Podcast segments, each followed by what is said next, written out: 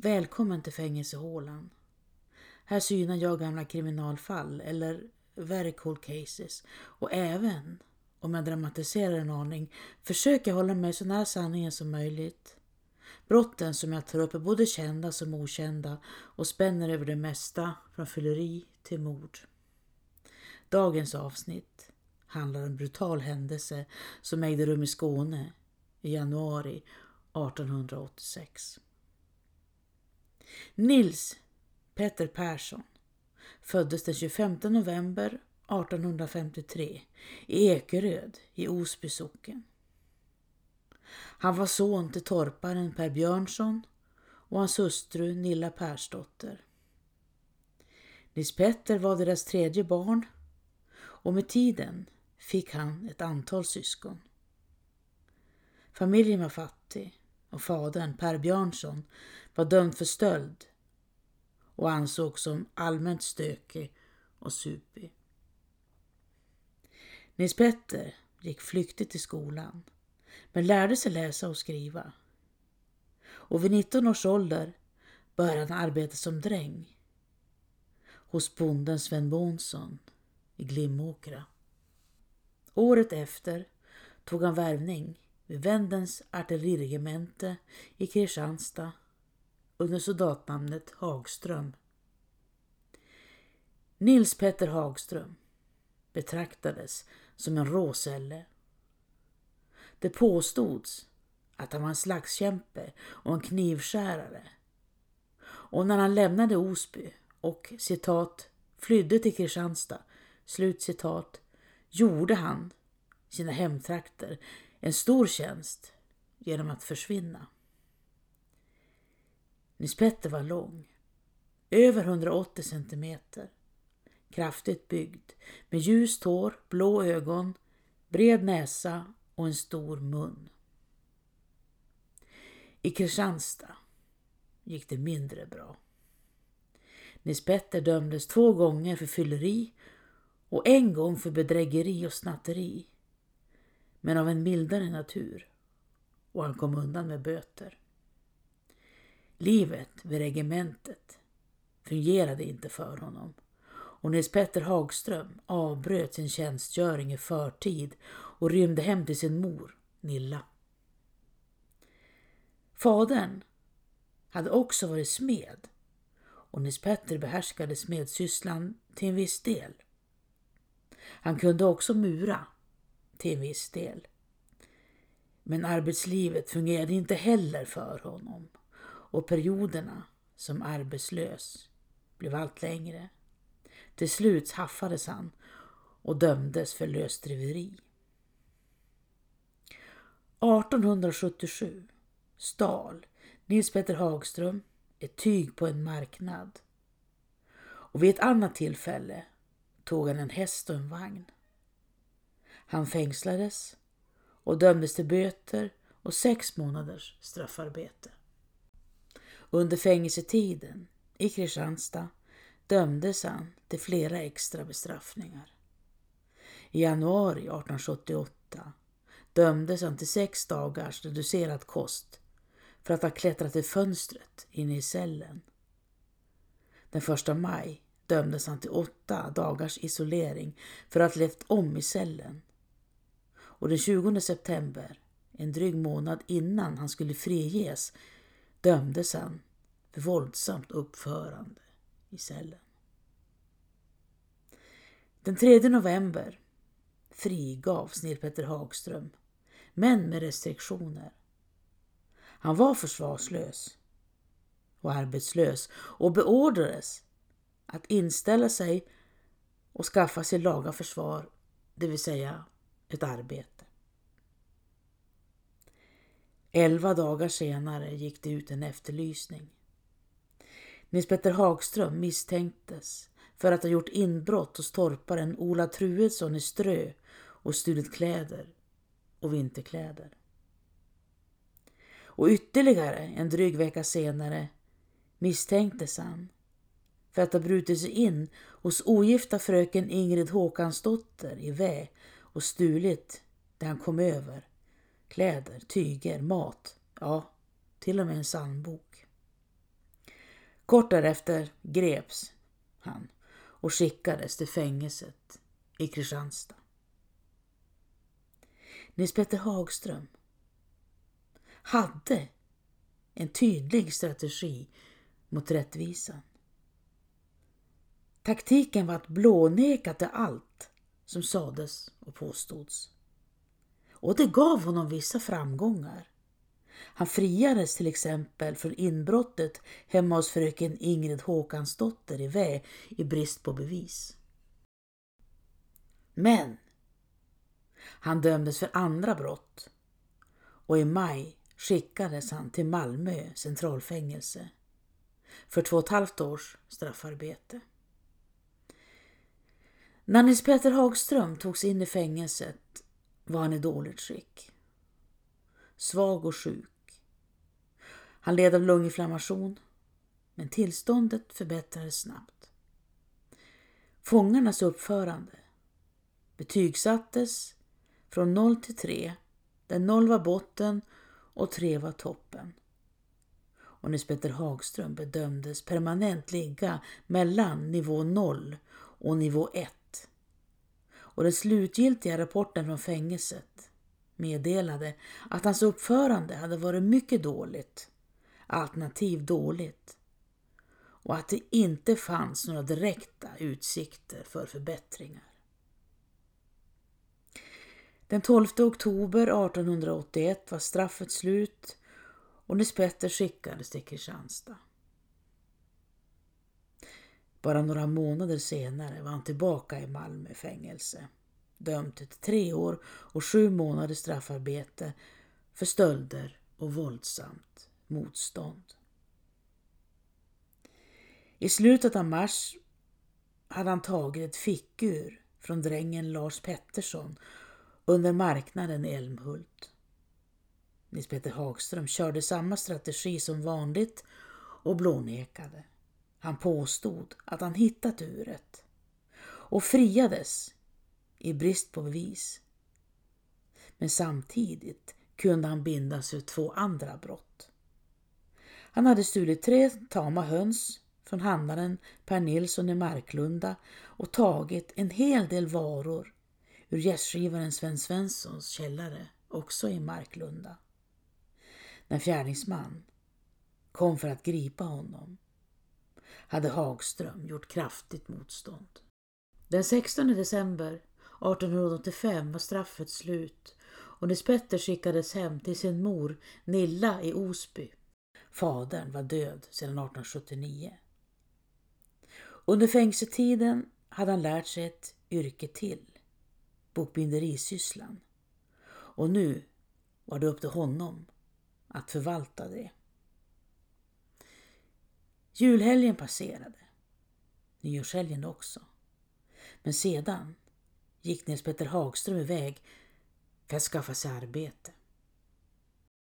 Natten mellan den 11 och 12 januari 1886 dödades tre människor på en gård i byn Glimminge i Östra Broby socken. En 74-årig man, hans 70-åriga hustru och ett sjuårigt barn som bodde hos dem. Barnets mor, en kvinna i 35-årsåldern, misshandlades svårt och avled på Kristianstad lasarett tre dagar senare. Brottet chockerade omgivningen. Framförallt det besinningslösa våldet som används reste kalla kårar. Nils Peter Hagström arresterades, ransakades och dömdes. Det fanns inga vittnen till själva händelsen. Alla i huset var döda. Den enda som kunde ge några ledtrådar alls var den sjuåriga flickans mor. Enligt henne hette mördaren Pettersson och var en storvuxen kar. Offren var torparen Johannes Sonesson 74 år, hans hustru Lovisa Turesdotter 70 år, deras sonhustru Carolina Karlsdotter 35 år och hennes sjuåriga dotter Klara. Johannes Sonesson och hans hustru hade haft två barn. Dottern Inga var gift sedan länge och bodde på annan ort, medan sonen, Sven, hade varit död i några månader. Den 12 augusti omkom 41-årige Sven Johannesson under ett stenras.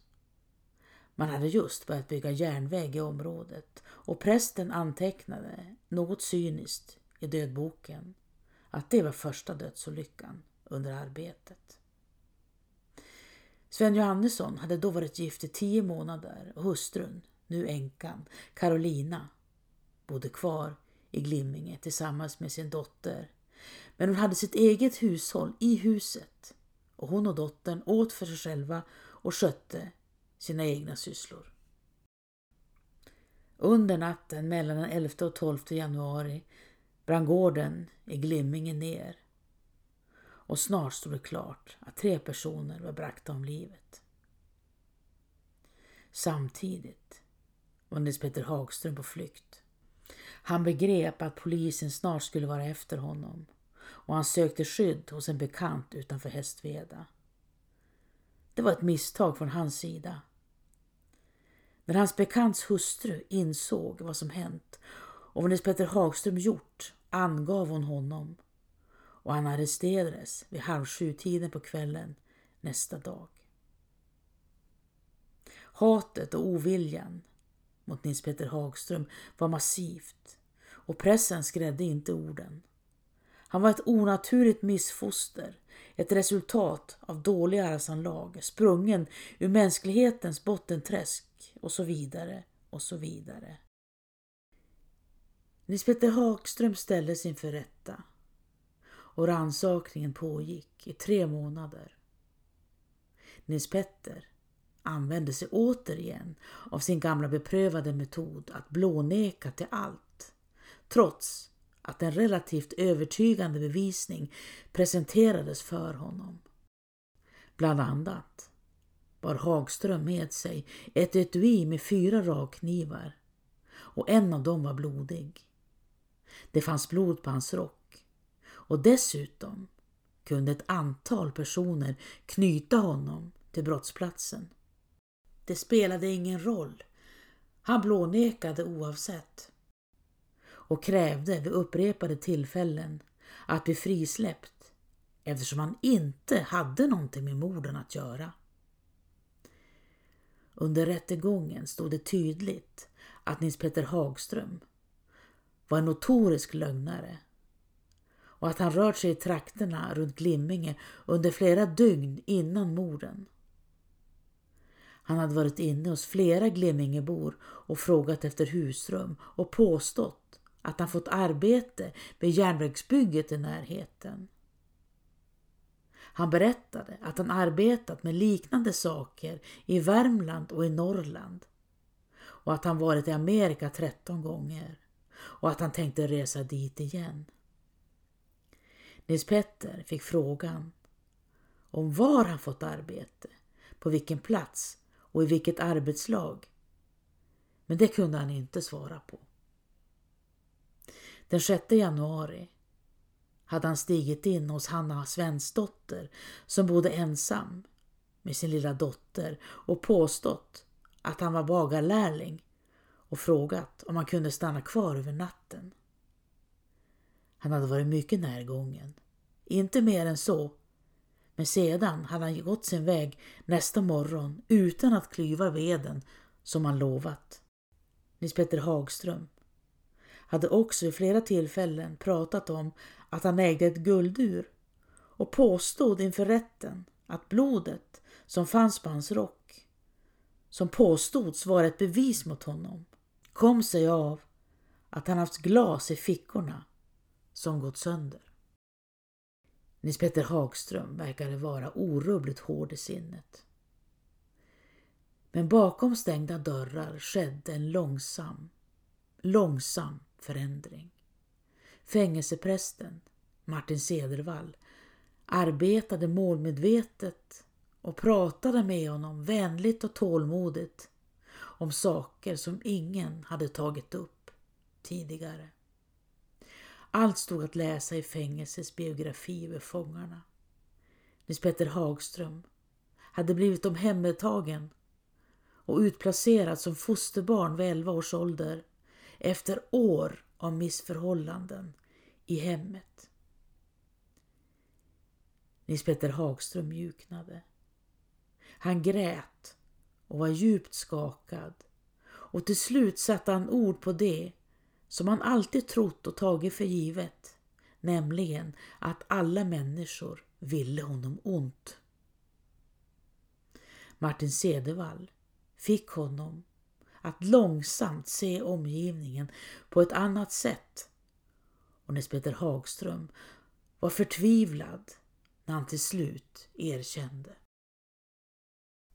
Han dömdes i döden och domen fastslogs av både hovrätten och Högsta domstolen. Nils Peter Hagström berättade och ingen kunde säga emot honom. Alla som eventuellt hade invändningar mot hans version var döda. Mellan klockan 10 och 11 på förmiddagen den 11 januari 1886 knackade Nils Petter på hos torparen Johannes Sonesson i Glimminge och förklarade att han sökte arbete vid järnvägsbygget i närheten men att han också letade efter bostad. De hade aldrig sett varandra förut. Men Johannes Sonesson svarade ändå att det kanske kunde gå för sig. Nils Petter gick sedan iväg för att göra allvar av sin arbetsansökan. Vid trettontiden var han tillbaka på gården i Glimminge. Nils Petter Hagström frågade om han kunde stanna över natten. Han bad också om, om middag. Familjen sa ja och han blev kvar på gården under resten av dagen. Johannes Sonessons hustru Lovisa berättade för Nils Petter Hagström att Carolina, sonhustrun, ägde 500 kronor som hon ärvt efter sin make, deras son Sven, som dött i augusti. Pengarna låg i byrån i ett av rummen. Förresten i det rum som Hagström skulle sova i under natten. Nils Petter gick även in en sväng till Carolina och sjuåriga Klara satt i hans knä och läste upp ett brev för honom. Timmarna gick och till sist åt familjen kvällsmat och gick sedan till sängs. Under natten vaknade Nils Peter Hagström flera gånger. Carolinas 500 kronor som låg i byrån bara några meter bort lämnade honom ingen ro. Frestelsen var stark om han skulle ta pengarna och resa till Amerika. Ja, jäklar, det skulle han. Nils-Petter Hagström steg upp och klädde på sig. Men han måste ha gjort ljud ifrån sig. För i mörkret kom Johannes Sonesson mot honom med en yxa i näven. Det var mörkt i rummet, men snön utanför lyste upp så pass att han såg hur Johannes Sonesson måttade för att slå till. Nils Petter grep tag i en butelj som stod på golvet och slog Johannes Sonesson som utan ett ljud föll i golvet och var död. I samma stund uppfattade han att Lovisa hade vaknat och skrek borta i sängen. Inte kunde han låta Lovisa leva nu så han gick in till henne och slog henne i huvudet tills hon också var död. Carolina och hennes barn kom han sedan att tänka på. Nils Hagström gick in till dem. Carolina och dottern Klara låg och sov i samma säng och han berättade för Carolina att Johannes Sonesson fått ett anfall av fallande sjuka. Han satte sig ner på sängkanten hos dem. Och Klara, flickan, sa till honom Du får inte komma hit.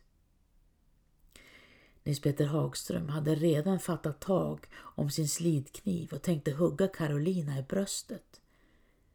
Men när han mötte hennes blick gjorde det ont i honom och han började istället prata om hennes man Sven som dött så hastigt och gjort henne till änka så tidigt. Då inträffade någonting högst oväntat. Johannes Sonesson verkade kvickna till.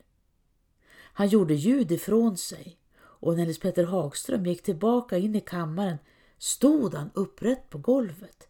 Vad händer? Vad händer? sa Johannes Sonesson. Nils Petter började ångra att han dödat hustrun Lovisa. Det var kanske förhastat. Men nu var det för sent för tveksamheter. Han måste slutföra det han påbörjat. Och Nils Petter Hagström slog Johannes Sonesson tills han säkert låg död på golvet.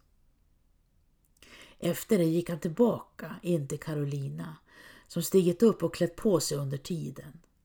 Hon tänkte sig efter hur det stod till med Johannes Sonesson, sa hon. Och Nils Petter följde efter henne när hon öppnade dörren in till stugan. Då slog han henne så hårt i bakhuvudet att hon föll framstupa och landade på golvet. Men Johannes Sonesson var fortfarande inte riktigt död så när Petter Hagström slog honom igen och för säkerhets skull plockade han fram en av sina rakknivar och skar av honom halsen. Nu återstod bara flickan, sjuåriga Klara, och det gjorde ont. Nils Petter Hagström tänkte först linda in henne i ett täcke och bära ut henne ur huset så att hon inte skulle nås av elden som han tänkte tända. Men det verkade inhumant så han gjorde det snabbt och skonsamt istället. Han gick in till Klara som låg vaken och sa till henne att hon skulle inte vara rädd. Ingenting farligt hände i huset. Sen slog han henne i huvudet och skar av henne halsen. Nils Petter Hagström letade sedan igenom byrån men 500 kronor hittade han inte. Det låg sin höjd 6 kronor i byrån så allt hade varit förgäves. Han bar ut det han förmådde ur huset, sadlade en av hästarna och spände för en vagn. Sedan tände han eld på några höbalar och lågorna tog snabbt fyr. Flera djur brann inne och när han körde ut på vägen med Johannes Sonessons häst och flak brann det ända upp till taket. Nils Petter Hagström körde så snabbt han förmådde på de snöklädda vägarna. Han vågade inte ta med sig stöldgodset hem till sin mor utan fortsatte till Johan Nilsson i Rävakulla som brukade handla med tjuvgods. Men inte den här gången. Den här gången vägrade han ta emot varorna. Han fortsatte till en Anders Andersson som också brukade handla med tjuvgods. Men även han gav honom kalla handen. Och kvällen efter greps Nils Petter och låstes in i Broby häradshäkte. Dagen efter kom han till fängelset i Kristianstad. Nils Petter Hagström var våldsam och utagerande i fängelset. Den 4 mars straffades han med förlust av sängkläder under åtta dagar eftersom han natten innan brutit sönder järnsängen i cellen och rivit loss fönsterplattor. Pressen rapporterade kontinuerligt från fängelset. Hagström ägnade sig mest åt att läsa, skrev man. I början hade han mest läst reseskildringar och profan litteratur. Men sedan gått över till mer andliga texter. Det hade skett en tydlig förändring. Pressen meddelade att Hagströms fängelsecell började likna en blomstertäppa med allsköns blommor som azaleer och hyacinter som skickats till honom. Hur det kom sig nämndes inte. Men kanske kan man dra en parallell till nutiden och det pinsamma faktum att vissa kvinnor tar kontakt med tungt kriminella män i fängelser. På avrättningsdagen den 29 mars 1887 började människor samlas utanför fängelset redan vid sjutiden på morgonen. Det påstods efteråt att fängelseprästen besökte Hagström i cellen. Mitt i samtalet blev det tyst och personal befarade tämligen genast att Hagström dödat även fängelseprästen. Men klockan åtta steg Hagström ut på fängelsegården hand i hand med Martin Cedervall. Hagström läste en bön nästan mekaniskt. Han släppte Cedervalls hand och föll på knä och la sig ner på stupstocken. Böden trädde fram bakifrån och efter halshuggningen bevakades hans huvud noga i studiesyfte i över fem minuter av några tillresta vetenskapsmän från Uppsala. Hur länge skulle hjärtat slå? Och så vidare. Senare under samma dag jordfästes Nils Petter Hagström i stillhet på kyrkogården i Kristianstad. Delar av hans kranium förvaras fortfarande på Gustavianum i Uppsala. Min moder hon gråter så svåra. För mig hon uppsänder sin bön. Hon har fällt så många, många tårar som en moder kan fälla för en son. Bara en sak till. Nils Petter Hagström hade lite kläder med sig i fängelset. Men också en pipa och tobak, två par manschettknappar, en fingerring i silver och ett fickur i guld.